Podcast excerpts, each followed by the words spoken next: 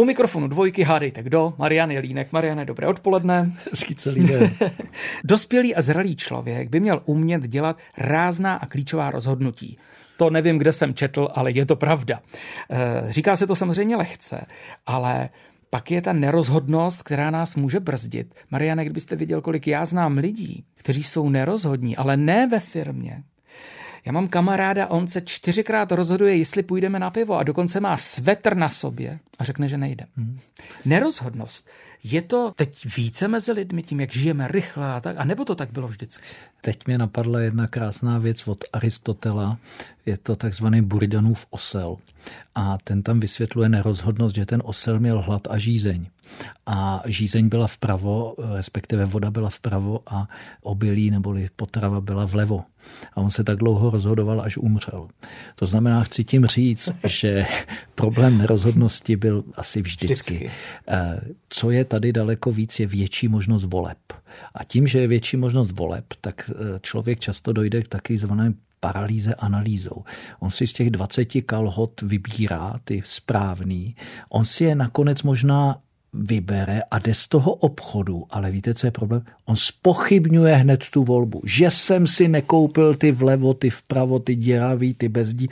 A tímhle tím v současné době blahobytu samozřejmě trpí hrozně lidí. To znamená, čím větší nabídka možnosti, tím větší se dostáváme do situace, kdy je více lidí, kteří se neumí opravdu rozhodovat. Když jste měli dvě věci, tak to bylo snažší. Když máte 25 jogurtů firm v tom obchodě, tak samozřejmě no. často trpíme tou paralýzou analýzy. Takže se vlastně máme hůř, Mariane. Dalo by se říct, že se máme hůř. Na druhé straně je tam, eh, vy jste to řekl, je vyspělost toho člověka, že ten se umí rozhodovat a to rozhodování probíhá na bázi racionality, to znamená nějaký logických argumentů, ale to nestačí. Ono pak je tam ještě ta emocionalita a ta nám dává zabrat.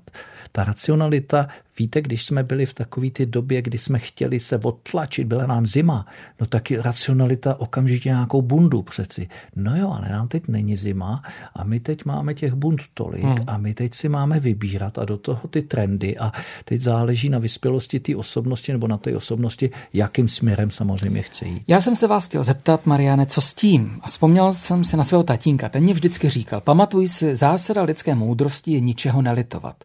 Jinými slovy, nařídit si, že se rozhodnu a pak už zatím zabouknout dveře. Krásný, bohužel uh, hůř se to dělá.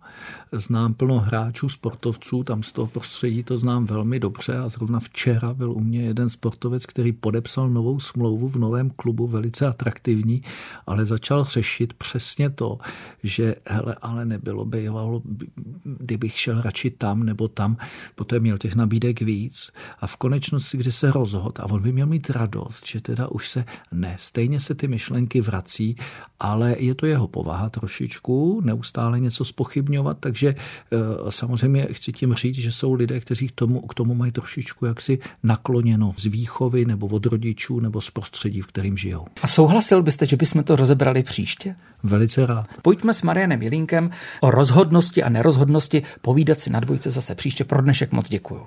Naslyšenou.